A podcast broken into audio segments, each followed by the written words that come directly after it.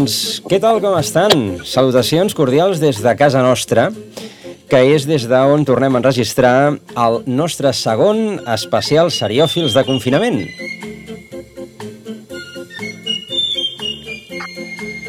Si la tecnologia ens deixa, el primer va anar molt bé i aquest no deixem de sentir com marcianets que van entrant dintre de la línia. Esperem que això que això vagi, vagi aguantant i saludem els nostres parteners avui, com sempre, amb en eh, Nacho Zubizarreta. Nacho, bon dia. Hola, molt bon dia. I Camil Villaverde. Camil, bon dia. Bon dia. Aquí continuem tots confinats eh, enmig d'una, podríem dir, allau, allau d'estrenes. Sí o no? Sí, sí, sembla ser que aquest mes d'abril hi ha moltes estrenes bastant interessants, moltes d'elles que bé, ens ajudaran una mica a passar aquest confinament almenys d'alguna manera més entretinguda. Camil. Doncs sí, sí, es segueix... Bueno, les, les, diguéssim, les cadenes tenen molt estoc encara, eh, les estrenes van fluint, a veure què passa d'aquí uns mesos, perquè el que està clar és que la producció sí que, sí que ha sofert un, un paron important. Llavors el problema no serà ara, sinó ara serà d'aquí uns mesos, depèn com evolucioni la cosa, a veure, a veure de quins continguts tiraran. Mhm. -huh. Sí, és, això és, això és l'altre. Eh, clar, una, una de les propostes que ens feu avui eh, i que en parlarem més tard és, eh, és aquest subgènere de, de, dels, del confinament en si, en si mateix. Però clar, això és, això és fàcil de fer perquè es pot fer des de casa, oi? Però clar, ha determinat... De, el Mandalorian no el podríem fer des de casa. No, difícil, difícil. Bueno, amb un croma darrere, amb una paret darrere, podríem coses de Hollywood. Sí, però... Però no, seria, seria bastant complicat. Sí. Nacho semblaria més George Méliès que una altra cosa, això, eh? bueno, també té el seu encant, eh? Sí, Ray Harryhausen, no? Els efectes així old school. Bueno, escolteu, uh, us sembla que comencem ja per la, per la primera? Som-hi. Pues adelante. You escaped, didn't you? You make it sound like I was in prison. Weren't you? No, but I left without telling anyone. Why did you leave? God expected too much of me. Der Schatchen hat ungetrunken Emetsen. Was war Bucher ist er? Ihr ist wie jeden einen. Geherig. Ich bin anders wie die andere Mädel. Anders ist gut. Where I come from, there are many rules. Sie ist da ein heilige Pflicht, sie keinem sagen, du rufst nach My family just cares that I'm a good wife and mother. Ins müssen wir auf Bühne stimmt, sie gefällt dir zu nicht. I had to get as far as possible for my community. Això que senten parlar una mica de fons és Yiddish, entremig de l'anglès, oi? La, la part que menys s'entenia és, eh, és Yiddish, i és que en, en ortodox. Ortodox. Què és, què és això? Què és això? A veure. Doncs a veure, és una sèrie que es va estrenar a Netflix a finals del mes de març, que en un principi tampoc es va fer molta promoció, però que de mica en mica ha anat pujant sencers en l'interès de l'audiència perquè és una sèrie bastant peculiar. Parla de la història d'una noia que viu a Nova York en un barri jueu ultraortodox que decideix escapar i fugir a Berlín per lliberar-se una mica de tota la pressió que suposa viure en un ambient doncs, bastant, bastant tancat. No? I el títol juga una mica amb això, no? Ortodox, doncs anortodox és eh, no? alguna persona que, exacte, exacte, que vol sortir d'aquesta comunitat eh, hasídica no? eh, on, on parlen yiddish, una comunitat molt tancada, on les dones tenen un paper merament testimonial. De fet, només casar-se crec que les rapen al zero i li fan la perruca. La perruca, la perruca és per totes les dones la mateixa. Exacte. És un ambient bastant dibuixat. Potser mm, el, el reflexe que fan de la d'aquesta comunitat jueva ultraortodoxa doncs és un de les eh, qüestions més curioses que presenta la sèrie, perquè després, dramàticament, doncs, bueno, val, està bé, però tampoc és res de l'altre món, però sí reflecteix molt bé doncs, aquest eh, grup eh, de persones d'aquesta comunitat que avui en dia encara viuen d'aquesta manera. No? Uh -huh. I, so, de fet, són quatre capítols només, és una sèrie molt curta i per mi eh, també estic d'acord amb el Nacho. Crec que la part més interessant és sobretot la, els primers capítols on es desenvolupa una mica la trama en aquest món no? eh, de jueus ultraortodoxos a, a la Nova York actual. Eh, després, la part de Berlín, bueno, a mi se'm fa una, una mica pesada, però sí que és veritat que és una de les sèries que estan, que estan de moda. I, bueno, també perquè li, li interessi aquest tema, hi ha un documental que es diu One of Us, també a Netflix, que és eh, molt interessant per, on explica la història de molts eh, jueus ultraortodoxos de la comunitat hasídica que van abandonar i el que va suposar per ells no? abandonar aquesta... Clar, abandonen tota la seva vida, perquè tota la seva vida és en aquesta bombolla. Surten allà, no coneixen ningú i és com aterrar en un altre món, no? Uh -huh. I, doncs, destacaria, destacaria també la feina que fa l'actiu, que ara no recordo el seu nom, que és una noia molt jove i que realment transmet, penso que mm, aquest paper tan protagonista l'enfoca molt bé i és una noia entre molt tendra, també una part molt forta. Vull dir, penso que és un encert molt gran eh, el paper que fa aquesta dona i és una de les grans bases de la sèrie. Sí, Shira, Shira Haas, no? És una, crec que no és una actriu gaire coneguda, però sí que realment la sèrie doncs, descansa sobre, sobre les seves espatlles, no? Sí. Doncs eh, primera, de les, primera de les propostes, eh, anortodox. An, anortodox. Eh, és, que és, és, és que té un, té un punt, eh? Sí, té un complicat. Punt, eh? I això que no és giris, és anglès. que, que està a Netflix eh, ja des de, des de finals del, del mes de març. I d'aquí a la segona proposta del dia. When I was 14, I started having relentless graphic thoughts about sex. Not just sex sex, fucked up sex. Sex that gets you arrested sex. And 3,723 days later. Hi, I'm Marnie. And I think I'm a sex addict. It's like the sixth sense, but I don't see dead people. I see naked ones. A veure, Aquí, aquí el qui, qui no entengui l'anglès haurà entès perfectament que va d'algú de sex. I'm a sex addict, no? Sí, sí, sí. sí. Això s'ha entès, això s'ha entès. Doncs és pure, pure. no? Uh -huh. Pure. A Filmin. A Filmin, sí. És una sèrie, bueno, ja com explica una mica el tràiler, no? la història d'una d'una dona britànica que té, diguéssim, un, tra un trastorn obsessiu-compulsiu eh, que és, diguéssim, imaginar-se qualsevol situació eh, doncs a la gent tenint sexe o despullada, però fins a límits mm, hi ha un moment que crec que s'imagina sa mare despullada sí. i ella liant-se amb sa mare. Clar, és una cosa que, que, que bastant sí. boja, no? Portada fins gairebé als darrers límits. És una, jo penso que segueix una mica la, línia aquesta que ara s'ha posat de moda de sèries juvenils, potser aquesta no és tan juvenil com Sex Education o així, però que toquen la sexualitat vista des de la joventut, no? I, bueno, doncs és una sèrie molt descarada, molt desinhibida, eh, amb nusos bastant abundants per qui li agradi el tema i, i la poden trobar filming. I, i, i és...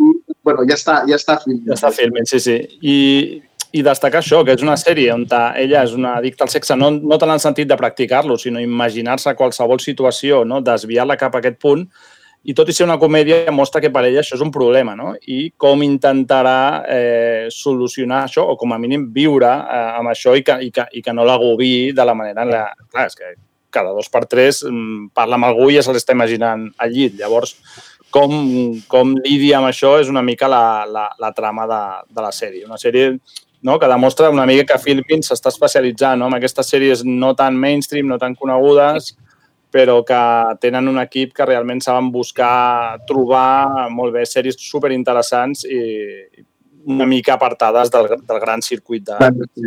Una firma d'autor o alguna així, més. Exactament. Doncs eh, la troben a Filmin ja. Eh, Filmin ho penja tot o com va això? Perquè sempre parlem això de tot. Sí, sí, el Filmin està, està penjat, són sis, episo sis episodis d'una mitja hora a cada episodi. També és una sèrie que es veu ràpid. D'acord.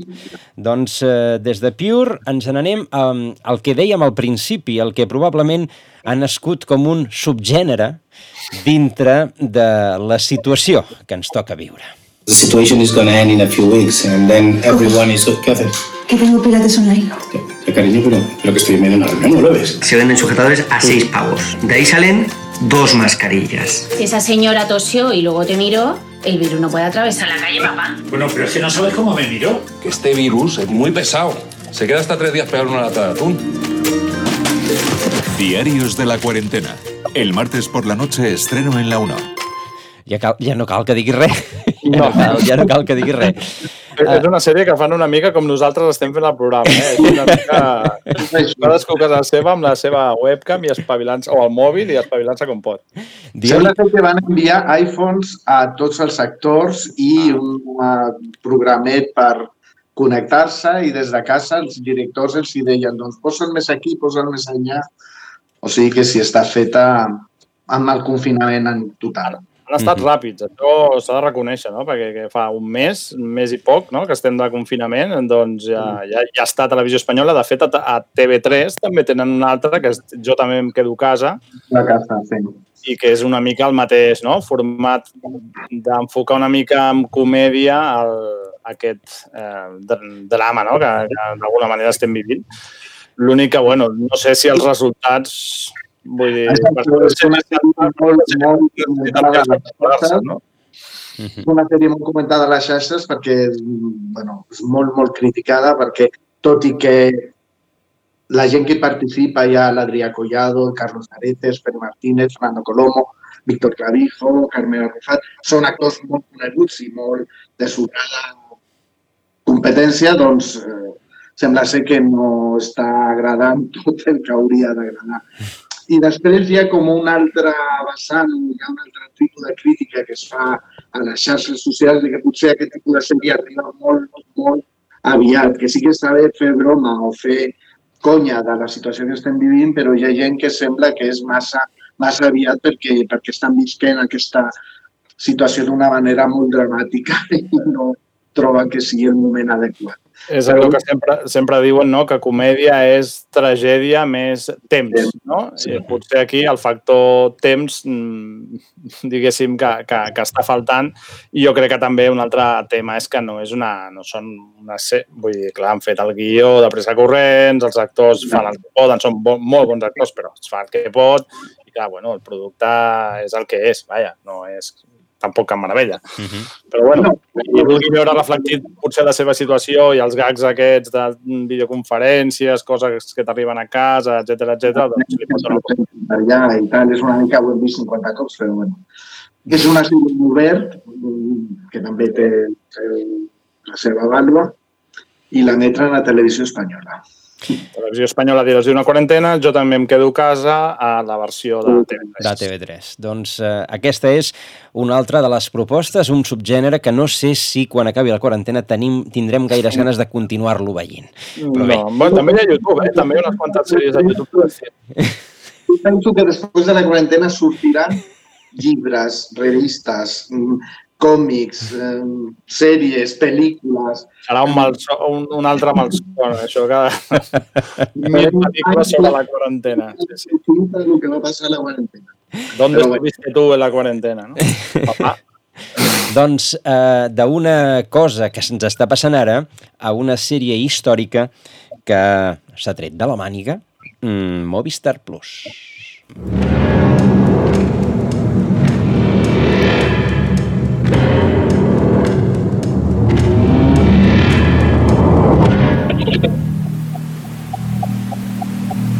que encontrar gente que esté dispuesta a darlo todo, a renunciar a todo.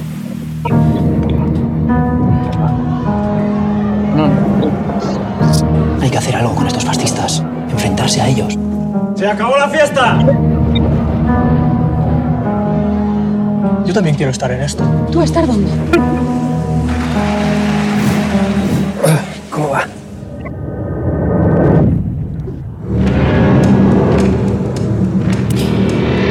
Documentación.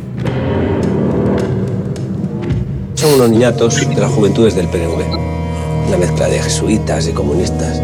Es solo una hoja. Es que no son peligrosos. ¿Y por qué no te vas a hablar con el inglés?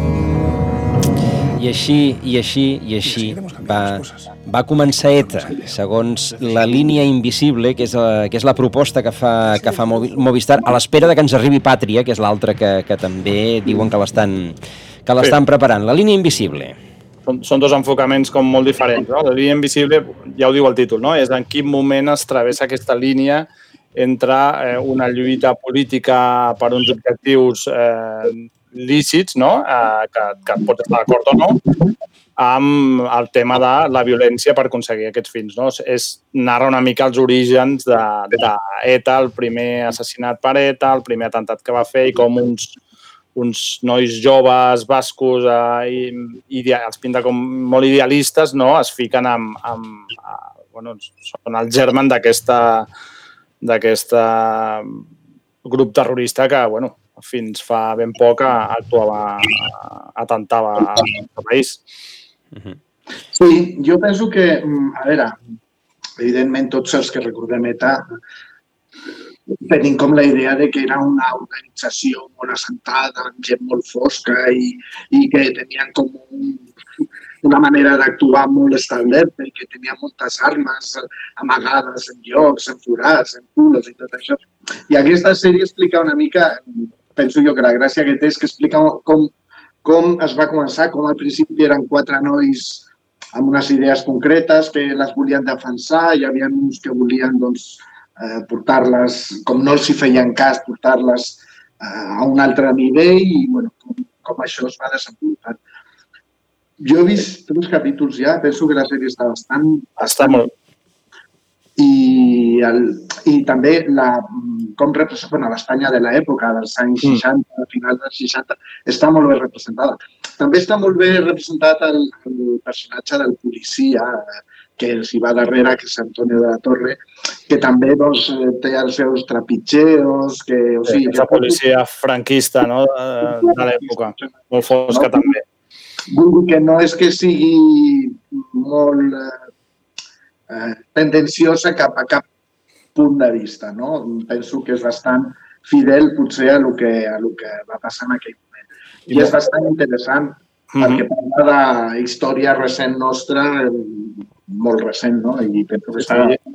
Han tornat a, Movistar han tornat a confiar en Mariano Barroso per dirigir la sèrie. Eh, Mariano Barroso havia dirigit una sèrie també d'època Movistar que es deia El dia de mañana, que qui no l'hagi vist també és una sèrie molt recomanable, molt interessant, també ambientada a la Barcelona franquista dels 60 en aquest cas, doncs Mariano Barroso un altre cop eh, no, es fica en aquest món de l'Espanya de fa 50-60 anys i que explica moltes coses de les que encara ens estan succeint ara.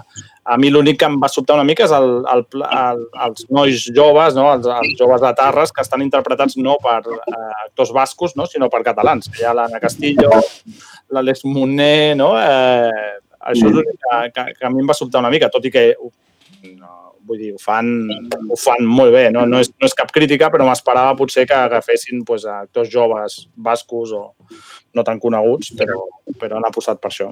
Uh -huh. doncs, bueno, a la sèrie es diu que el primer líder eh, violent de la banda no parlava euskera.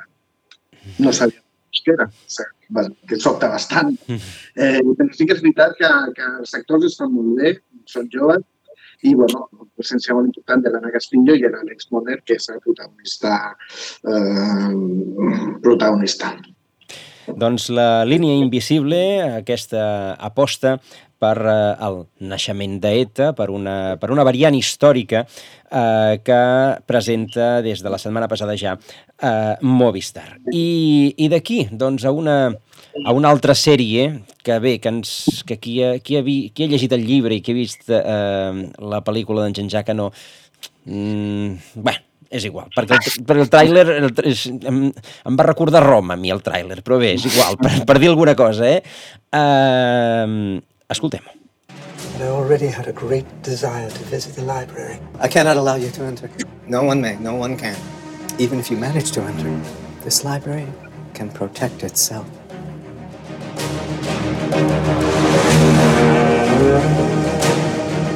Beauty, color, perfume of a rose when it wilts. Only a word remains. Its name.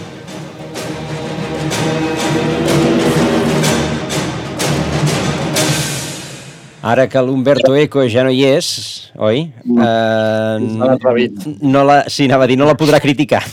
El nombre de la rosa.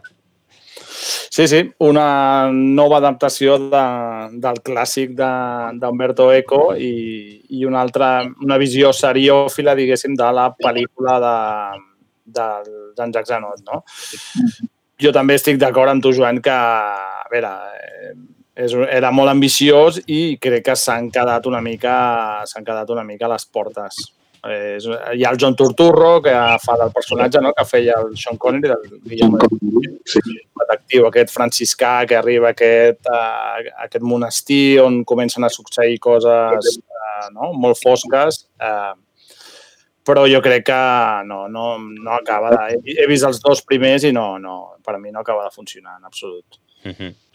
És una aposta de Radio Televisió Espanyola, és una miniserie, bueno, sèrie de producció europea, italo-alemana, mm. i bueno, doncs, a veure, doncs, eh, l'ambientació està molt bé i tot això. Però...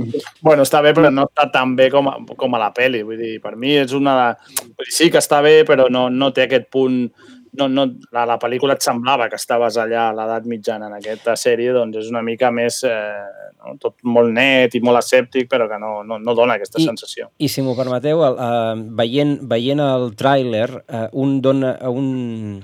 he tingut la sensació que, que es perd aquella, aquella introspecció de la pel·lícula, també, en certa, en sí. certa mesura. Una, una pel·lícula uh, lenta però molt intensa, i aquí, mm. aquí és, mm, com a mínim en el tràiler es veu, es veu que es busca més espectacle. I, sí, i això... jo crec que s'aposta més per la trama, la trama diguéssim, detectivesca, uh -huh. eh, que, que no per tot l'altre que també tenia tant el llibre, sobretot, i després la pel·lícula, no? que és explicar una manera de viure, una manera de pensar, a més, en un moment no? molt, molt diguéssim, un moment de la història de la religió catòlica bastant important, no? el tema de les heretgies, el tema de que, no? la, la Inquisició, vull dir, hi havia molts temes que jo crec que aquí s'aposta una mica més per, doncs, això, la trama detectivesca, eh, de descobrir qui està darrere de tots aquests assassinats en aquesta, en aquesta abadia. Uh -huh.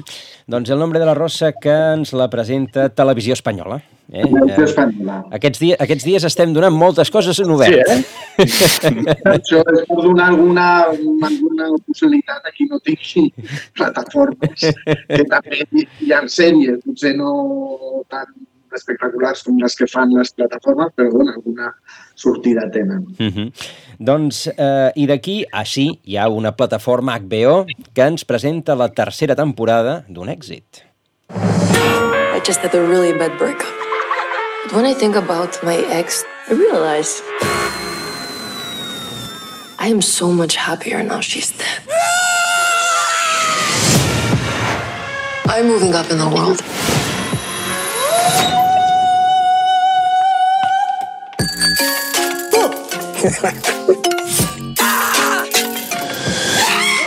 Eve is alive. Is alive. Eve is alive. És a dir, no és morta. Sí. Perquè, eh, estem parlant de Killing Eve, eh, arriba la tercera temporada. La segona temporada acaba quan el personatge que fa la Jodie Comer dispara al personatge que fa la Sandra Oh, que és Eve i mm, com fan els guionistes normalment a les sèries i a les pel·lícules és que a vegades un tret no et mata i en aquest cas és així. Per, per qui no estigui molt posat, no? la sèrie va de la relació... Bueno, és la cacera que fa el personatge de Eve, que és una, una membre de l'MI6 britànic, a, cap a una assassina a sou eh, completament boníssima amb el seu, o sigui, amb, amb matar gent i rastre, que és Vilanel, no? I és aquesta relació, d'aquesta no? joc una mica del gat i el ratolí, no? de, de buscar, d'Yves buscant a Vilanel, però Vilanel també buscant a Yves, i també una mica la relació entre els dos personatges femenins, que és una sèrie que, que bueno, va d'això, però que té, té un punt còmic i un punt d'entrar de, amb els personatges que està, que està molt bé, que, que, que la fan bastant original eh, respecte al que un podria pensar quan veu la, la sinopsi. Uh -huh. Doncs... Sí, una sèrie està molt bé, eh, arriba la tercera temporada a HBO i a més a més, a nivell curiós, eh, hi ha algunes escenes rodades a Barcelona on la psicòpata assassina parla inclús català. O sigui, ho dic perquè... Això agrada molt, això agrada molt aquí. Uh, sí, sí. Encara, sí, encara, en, aquí a casa. encara que siguin psicòpates que parlin català. Exacte. Mentre assassinen algú, però com a mínim en català correcte i com cal. Perfecte i hem de, de recordar. Bé, doncs arriba aquesta tercera temporada, és un dels plats forts d'HBO, eh, que aquest mes estrena un parell o tres de sèries sí, molt potents. I, bueno, doncs, eh, tornarem a veure la lluita interpretativa entre Jodie Comer i Sandra Oh, que, bueno, totes dues són molt bones actrius, però s'ha creat com a internet com un, una legió de gent que recolza més la interpretació de la Jodie Comer, que és, potser el seu paper és com més mm, portat al límit i altres, com jo mateix, que m'agrada més la Sandra O, que fa un paper com més de donar normal, no? De... Més normal, per dir-ho així. Sí. I, I Believers i Villanelivers, no? Una cosa. Això mateix. Doncs aquí ens hem de posicionar. I, bueno, doncs, arribar a mitjans de mes aquí a, a HBO. Killing Eve 3. Molt recomanable, està molt bé. Doncs, eh, i no ens movem d'HBO, eh, aquí va una estrena, una estrena d'història americana, no és l'única història americana que, eh, que tractarem eh, avui, aquesta. I am not against women. I am not against women working outside the home. But what I am against is the women's liberation movement. Who the hell is Phyllis Schlafly? We need to get the word out quickly. We want the right to be a mother, the right to be a wife. The Libbers want to create a sex neutral feminist totalitarian nightmare. Do you know what you're saying has no basis in fact? Our movement is about fighting the oppression of all women. We do not want housewives thinking that we are against them. We are against them. Revolutions are messy. I eh, darrere d'aquests diàlegs, doncs això, no estic en contra ni de les dones ni de que les dones treballin fora de casa. Estic en contra del moviment d'alliberament de les dones. Pues això de, això de no, no, ni masclista ni feminista o no sóc ni de dretes ni d'esquerres i t'estan dient un, realment el, el, que, el que són, no? És a Mrs. America, eh, una sèrie d'HBO, eh, la veu d'aquesta, la veu aquesta que, que sentia més la de la Kate Blanchett, que és la, la protagonista, no? que fa aquest paper de la, basat en una història real no? d'una dona dels 60 no? que en el moment aquest de, del sorgiment de la lluita, del, de la lluita feminista doncs, eh, encapçalava doncs, el moviment més conservador de dir tot això està molt bé, però les dones ens hem de, de quedar a casa i cuidar, cuidar sí, el paper més tradicional de la dona. Exacte. Ella es va enfrontar i, a més, com sempre, comença d'una manera més moderada i a mesura que es van enfrontant les dues posicions, doncs cada, cada cop va pujant més de, de to la, el seu posicionament. Um, és una de les apostes més fortes, potser amb Killing Eve de, de HBO d'aquest mes.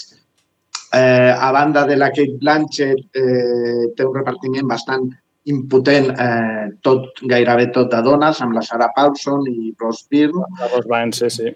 I, bueno, doncs, eh, pinta, pinta molt bé, la veritat. Sí, sí, és una de les sèries que ja està sonant que potser per, per Emmy, o el paper, sobretot també el paper protagonista que, de la Kate Blanchett, i és una, de, una altra sèrie, ja ho parlàvem l'altre dia, no? de com a través de la història, del moviment eh, de liberació de la dona dels anys 60-70, en realitat estem parlant eh, no? d'un de, de tema, d'un tema que està totalment d'actualitat. No? Doncs això és una altra, una altra mostra d'aquest joc, no? de que ens serveix la història en realitat per parlar de coses molt, molt actuals. Coses actuals. Mm -hmm. Doncs no ens movem de HBO en la tercera. Aquesta no és història, eh? Aquesta, aquesta no és història. Segona temporada. We have been invited to our neighbor's superb owl party. Hey, you guys made it. So, uh, how come we never see you guys around here during the regular season? They never seem to be around during the day. It's like they were uh, vampires or something. Everything's going to be okay. Hey, okay. Okay, We are Nadia and Laszlo, the human music group. Laszlo has always been quite musical. She's a superb lyricist. We're feeling honey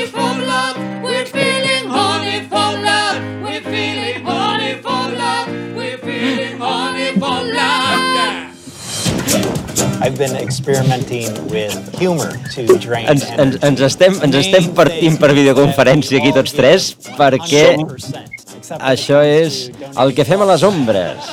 Som molt fans, eh, Nacho, d'aquesta sèrie. D'aquesta sèrie ja ho van fer de la pel·lícula quan es va estrenar fa uns anys. A Sitges, eh, es, va, es, va, es va estrenar al Festival de Sitges, crec. Sí, aquí a Espanya es va estrenar al Festival de Sitges. Eh, I, bueno, eh, penso que va ser a la tardor que HBO va portar la primera temporada de eh, El que fem a les, om a les ombres, eh, que era bueno, l'actualització de, de lo que era la pel·lícula. La pel·lícula, la sèrie parla d'un grup de eh, vampirs que estan vivint a Nova York, a Staten Island, i que, bueno, doncs... Comparteixen pis, no? La mateixa casa, són, són molt friquis, evidentment, i els problemes amb el Castro, que realment són, són bastant divertits. Sí, sí, és una, és una sèrie més narrada sempre amb aquest to de fals documental, eh, diguéssim, com si estiguessin rodant un documental a la casa i, i alternen una mica el que van gravant, les seqüències, amb les declaracions a càmera de, dels protagonistes d'aquests vampirs, que són absolutament friquis i absolutament graciosos i, i, i en la versió original, a més, que li donen aquest accent eh, centre-europeu, no? Clar, són, se suposa que fa 600 anys que viuen i venen tots de, de centre-Europa i, i això encara li dona molta més gràcia. La veritat és que és una, una sèrie molt, molt, molt graciosa. Mm -hmm. doncs... Molt divertida. La segona temporada ja la tenim aquí, a partir de mitjans d'abril, o sigui, d'aquí no res, eh, estarà ja bé, no? Uh -huh. Doncs eh, movem-nos a, a, a A3 Media, que també ens presenta la, la seva proposta en això.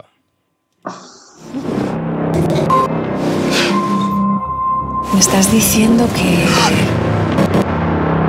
crees que Xavier te violó?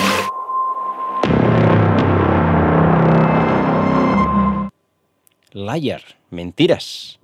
De fet, és, és, la, eh, és una altra mentires. No és, la, no és la sèrie de la que vam estar parlant, oi? De, fa, uns, uh, fa uns mesos.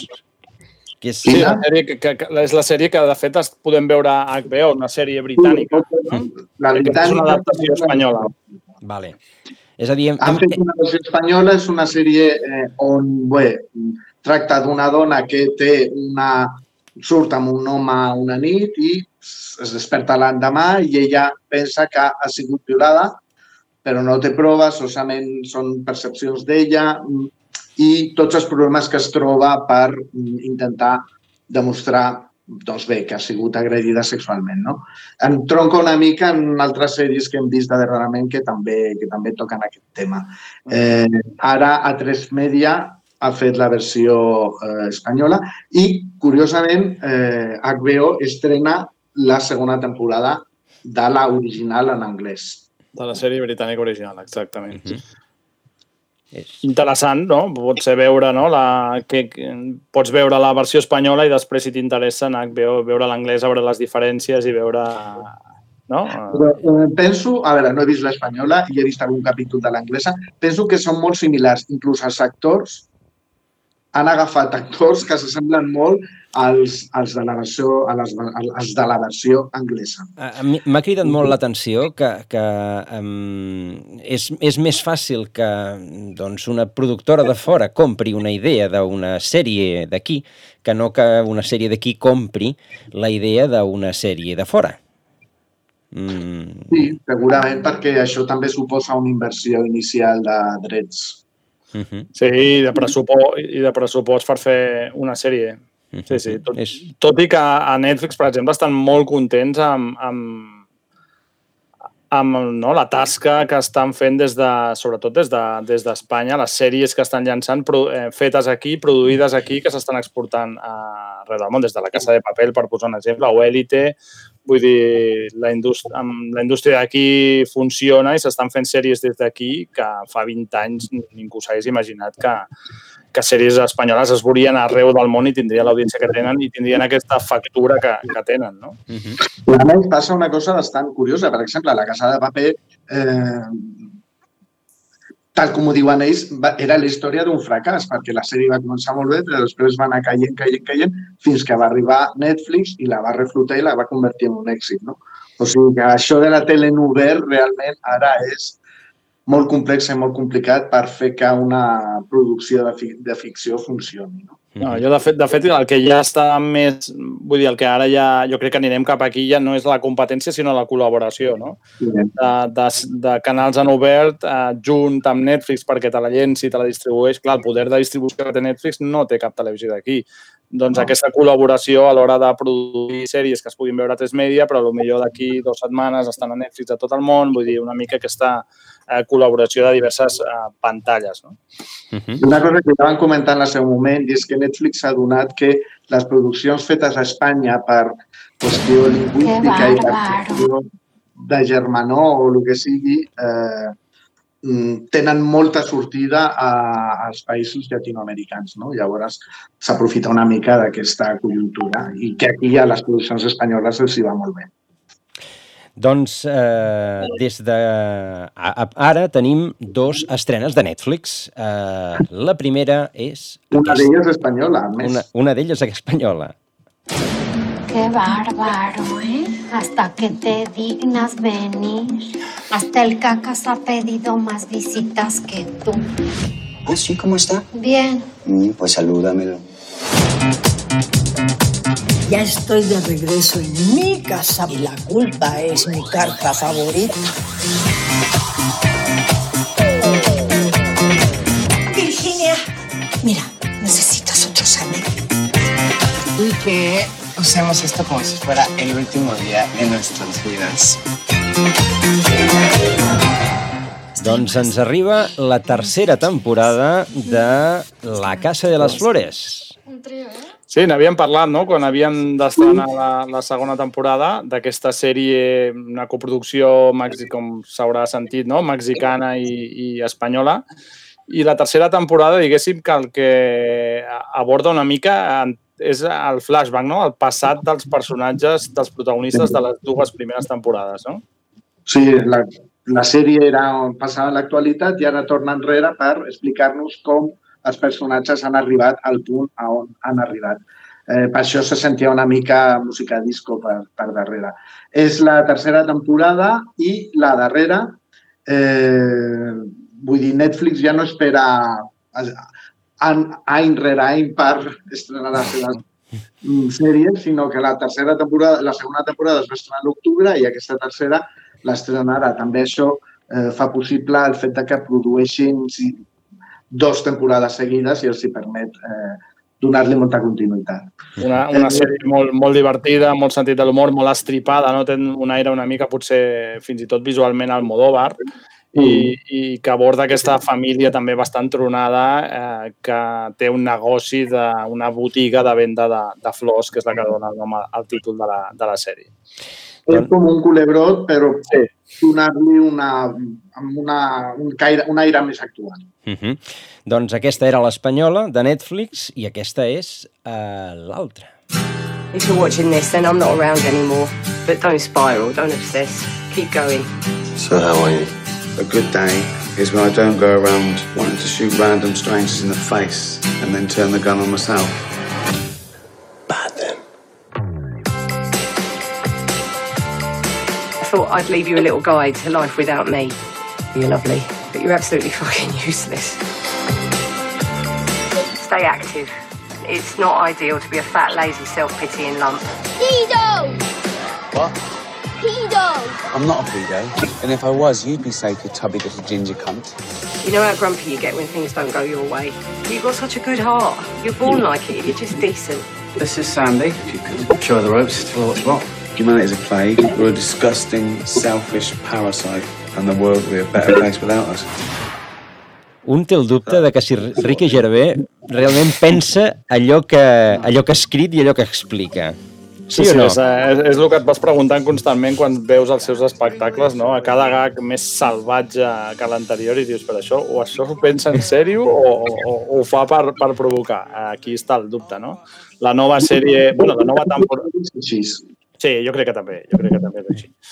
Eh, Afterlife, eh, la segona temporada de la sèrie de Ricky Gervais, la sèrie que aborda, diguéssim, comença quan la dona de, del personatge de Ricky Gervais mora, eh, d'un càncer i li deixa una sèrie de vídeos, diguéssim, eh, no? per acomiadar-se d'ell i pugui continuar amb la seva vida. Òbviament, la primera temporada ell no, no vol res d'això, pensa en el suïcidi, no es deixa ajudar i en aquesta segona temporada crec que és quan ja comença a treure una mica, una mica el cap, no? és un home molt amargat eh, i a més a més que no es talla un pèl en eh, dir el que pensa a qualsevol que se li creue per davant, amb la qual bueno, doncs, eh, crea situacions entre còmiques, violentes i, i, i bueno, doncs, eh, bastant incòmodes. Eh, és una aposta molt personal del Ricky Gervais que continua el que dèiem abans amb el seu tipus d'humor eh, que bueno, no, no, no té en compte si és una persona gran, si és un nen, si és una persona amb una discapacitat o el que sigui, ell suelta el que vulgui dir i es queda tan ample. Sí, és un humor que, que no és per tots els públics, no? Et porta sempre bastant al límit. Hi ha gent, a mi, per exemple, m'agrada, però sí que hi ha gent que, que, que no hi entra. Però sí que tenia dubtes amb aquesta sèrie perquè hi ha sempre el risc de caure o molt amb l'estripada o molt amb el melodrama. Clar, és un, no deixa de ser una història no? dura, però sí que la primera temporada, com a mínim, manté aquest equilibri i, i no acaba de caure mai ni amb, ni amb ser empalagosa o ser massa bèstia i, i, i a veure la segona temporada si, si continua amb la línia. Uh -huh. Doncs eh, mm, Afterlife, que eh, és de, Nef, de Netflix, i per últim, Que arriba a finals de mes. a finals de mes. I la, i l'última de les estrenes que ens proposeu avui, que és ja eh, darrere, darrere, de, de totes, que és aquesta. Pray, detective? I don't really do that. Do you believe in miracles? No. Do you believe in God? No. Are you sure? This gets out. We're looking at a damn race war. This is our home! We will not be moved. You will be pushed. Are you a cop pretending to be Mexican? Or a Mexican pretending to be a cop? Satan is here. I ja està. Penny, Penny Dreadful, City of Angels, la primera temporada.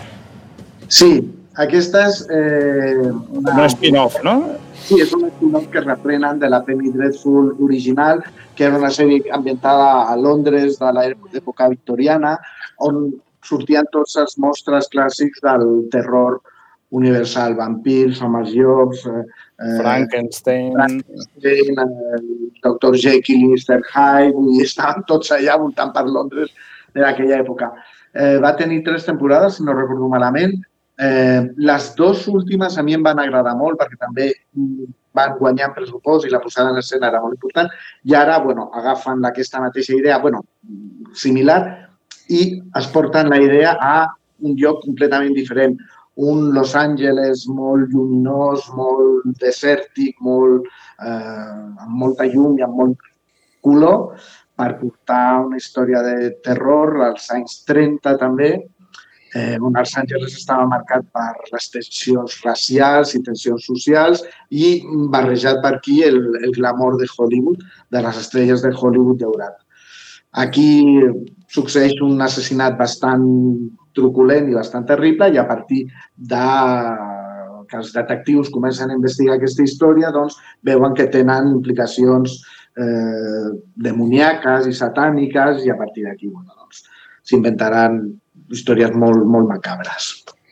És, és d'aquestes sèries que t'agraden a tu, eh, Nacho? A mi jo estic esperant-la amb moltes ganes. A mi Penny Dreadful m'agradava molt i a més em divertia bastant i bueno, espero que aquesta almenys estigui una mica a l'alçada, la veritat. El tràiler m'agrada, pinta bé, la tindrem a final de mes, a partir del dia 27, a Movistar. I eh, parlat d'això, doncs ens toca eh, revisar les notícies. Poques notícies per aquests dies, oi?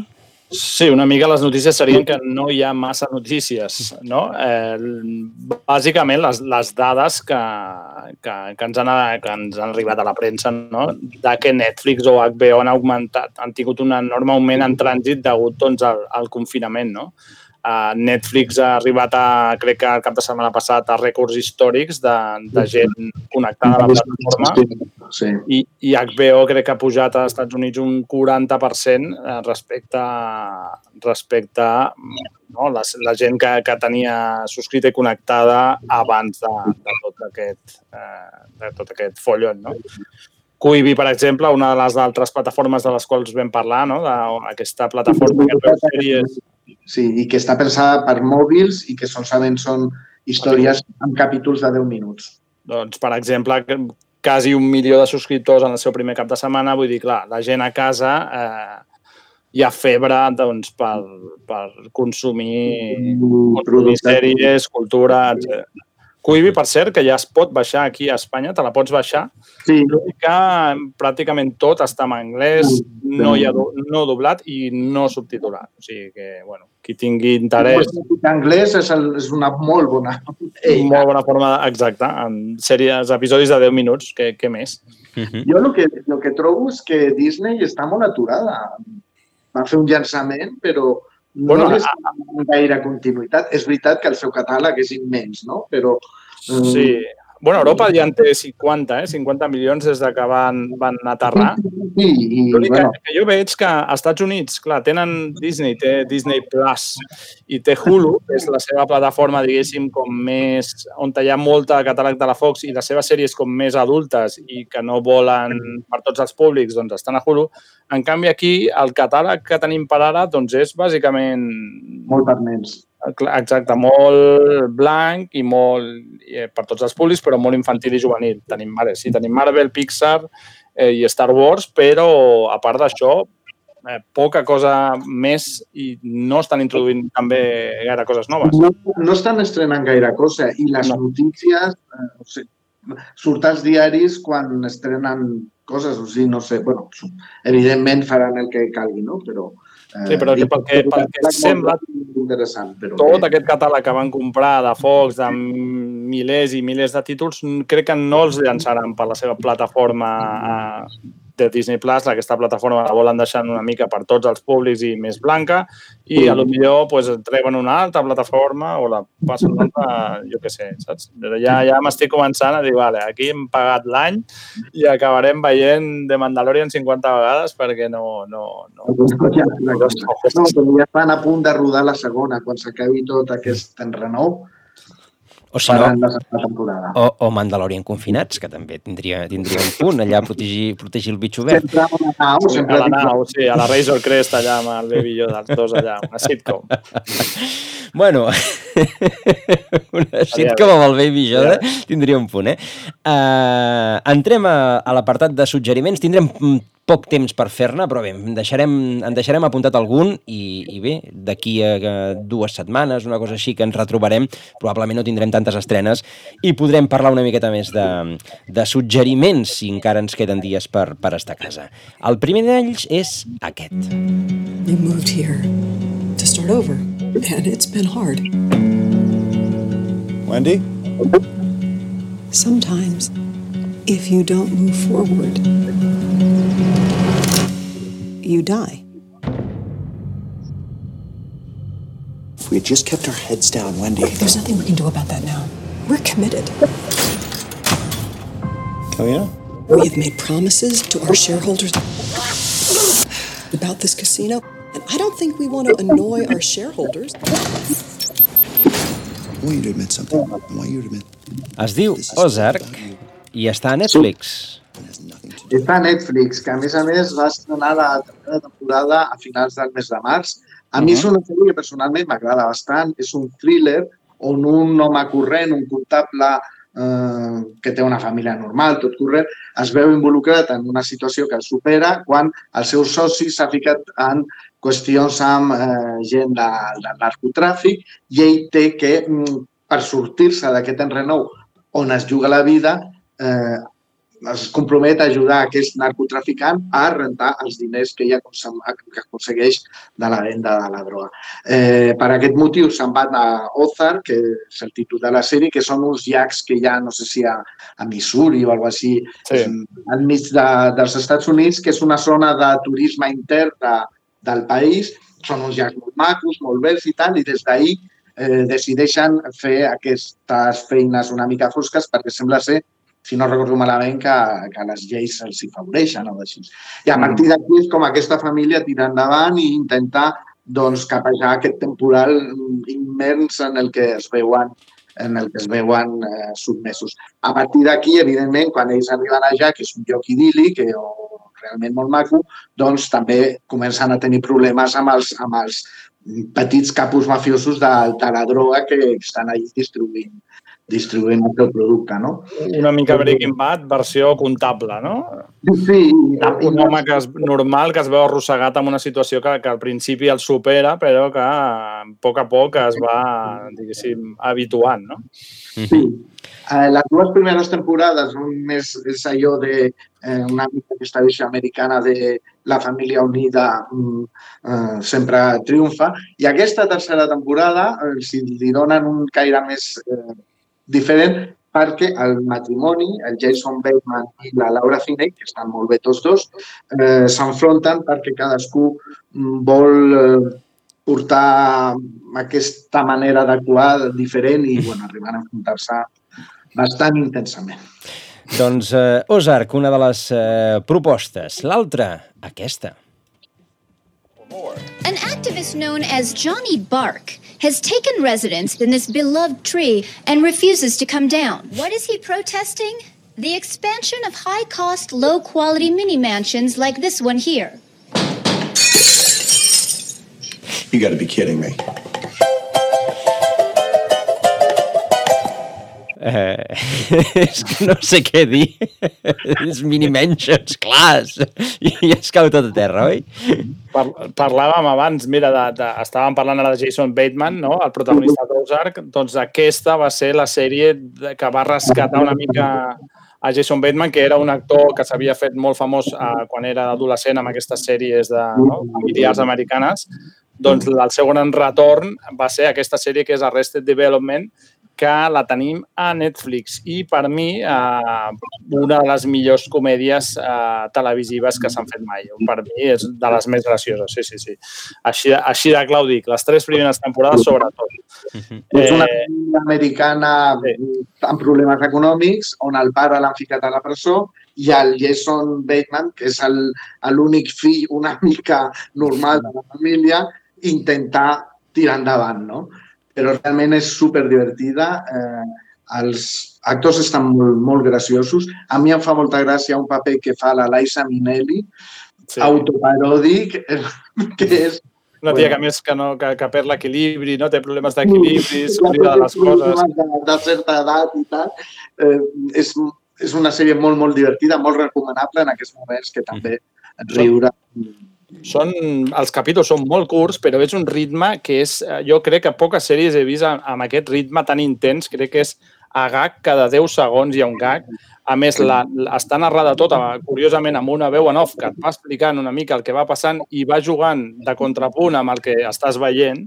I la veu en off és de, la versió original és de Ron Howard, el director director de, de Hollywood, que és el que fa la, la veu en off. I crec que l'últim capítol fins i tot els personatges el troben amb un altell de la casa llegint la veu en off de la mateixa sèrie. Vull dir, et dona una mica la idea aquesta del que és la sèrie. No? Una sèrie superboja, molt, amb un humor molt intel·ligent i que no va acabar de... Jo crec que es va estrenar... Això ho arriben a estrenar en, en plataformes de streaming i hagués, hagués funcionat molt, però clar, la van estrenar fa uns 12 o 14 anys a, a la Fox, a Obert, i clar, no, Però no és una sèrie...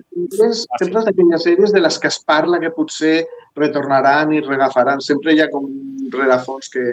Bueno, de que- fet, va, va, va tornar. Netflix va agafar els drets i va, va fer la quarta temporada, que no, no va acabar d'encertar-la, i ara estrenen, han estrenat la cinquena, que, diguéssim, sí que, sí que retoma una mica la, el, el ritme eh, de les tres primeres temporades. Però jo crec que és una sèrie, sobretot les tres primeres temporades, molt, molt, molt, molt divertida. És molt divertida, sí. Doncs pues vinga, va, la última d'avui.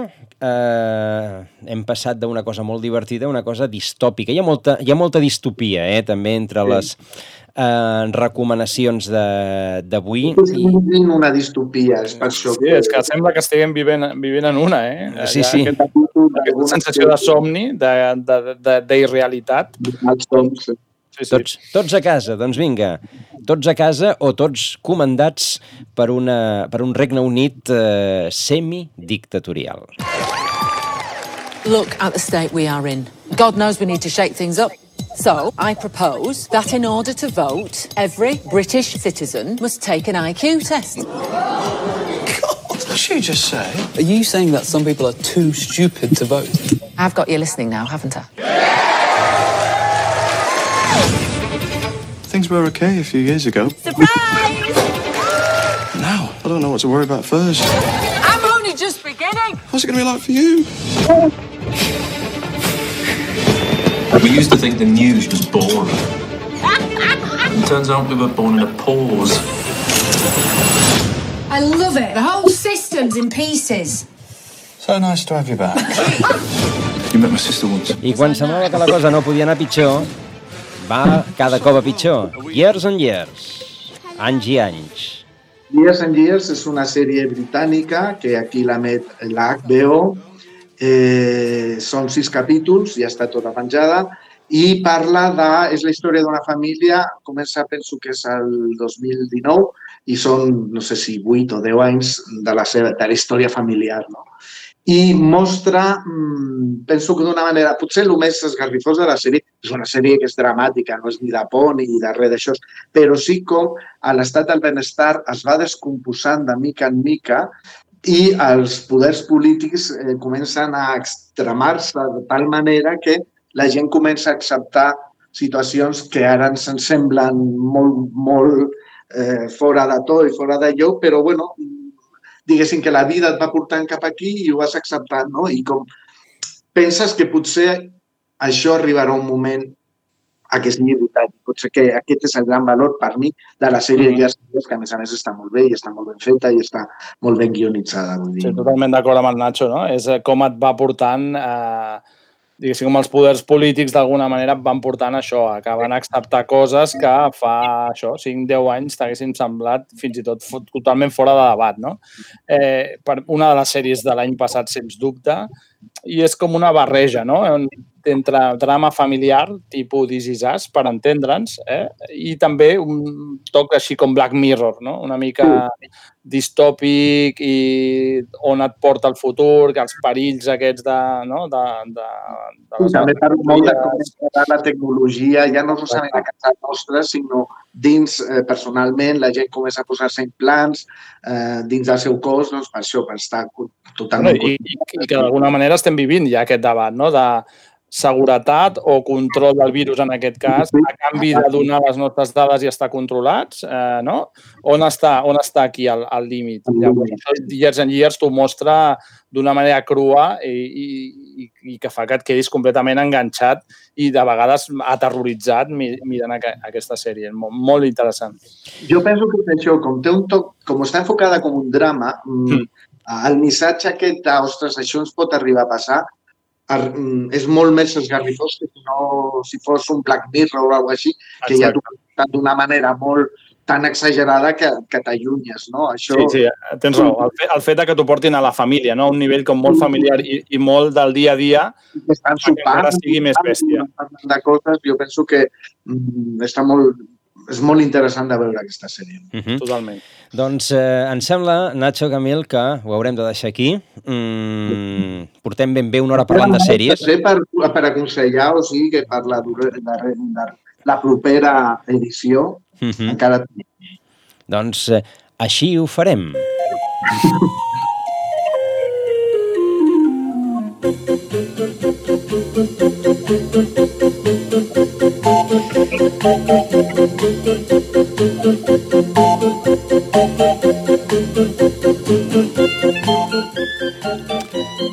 Nacho Camil, moltíssimes gràcies per aquesta, per aquesta estoneta, per aquesta tria, no sempre fàcil, entre les estrenes, perquè n'hi ha moltes més, i, i amb aquestes... Hi ha moltes sèries i també trinar pas tots els gustos a vegades porta la seva complicació. Moltes gràcies a vosaltres per donar-nos una horeta de sortir una mica de, de la rutina menjador, habitació, estudi, terrassa que tingui. Gràcies a vosaltres. Doncs, eh, Nacho, Camil, que passeu un bon confinament i, si Déu vol, ens retrobem d'aquí 15 dies. Molt bé, aquí estarem. Ens veiem aquí 15 dies.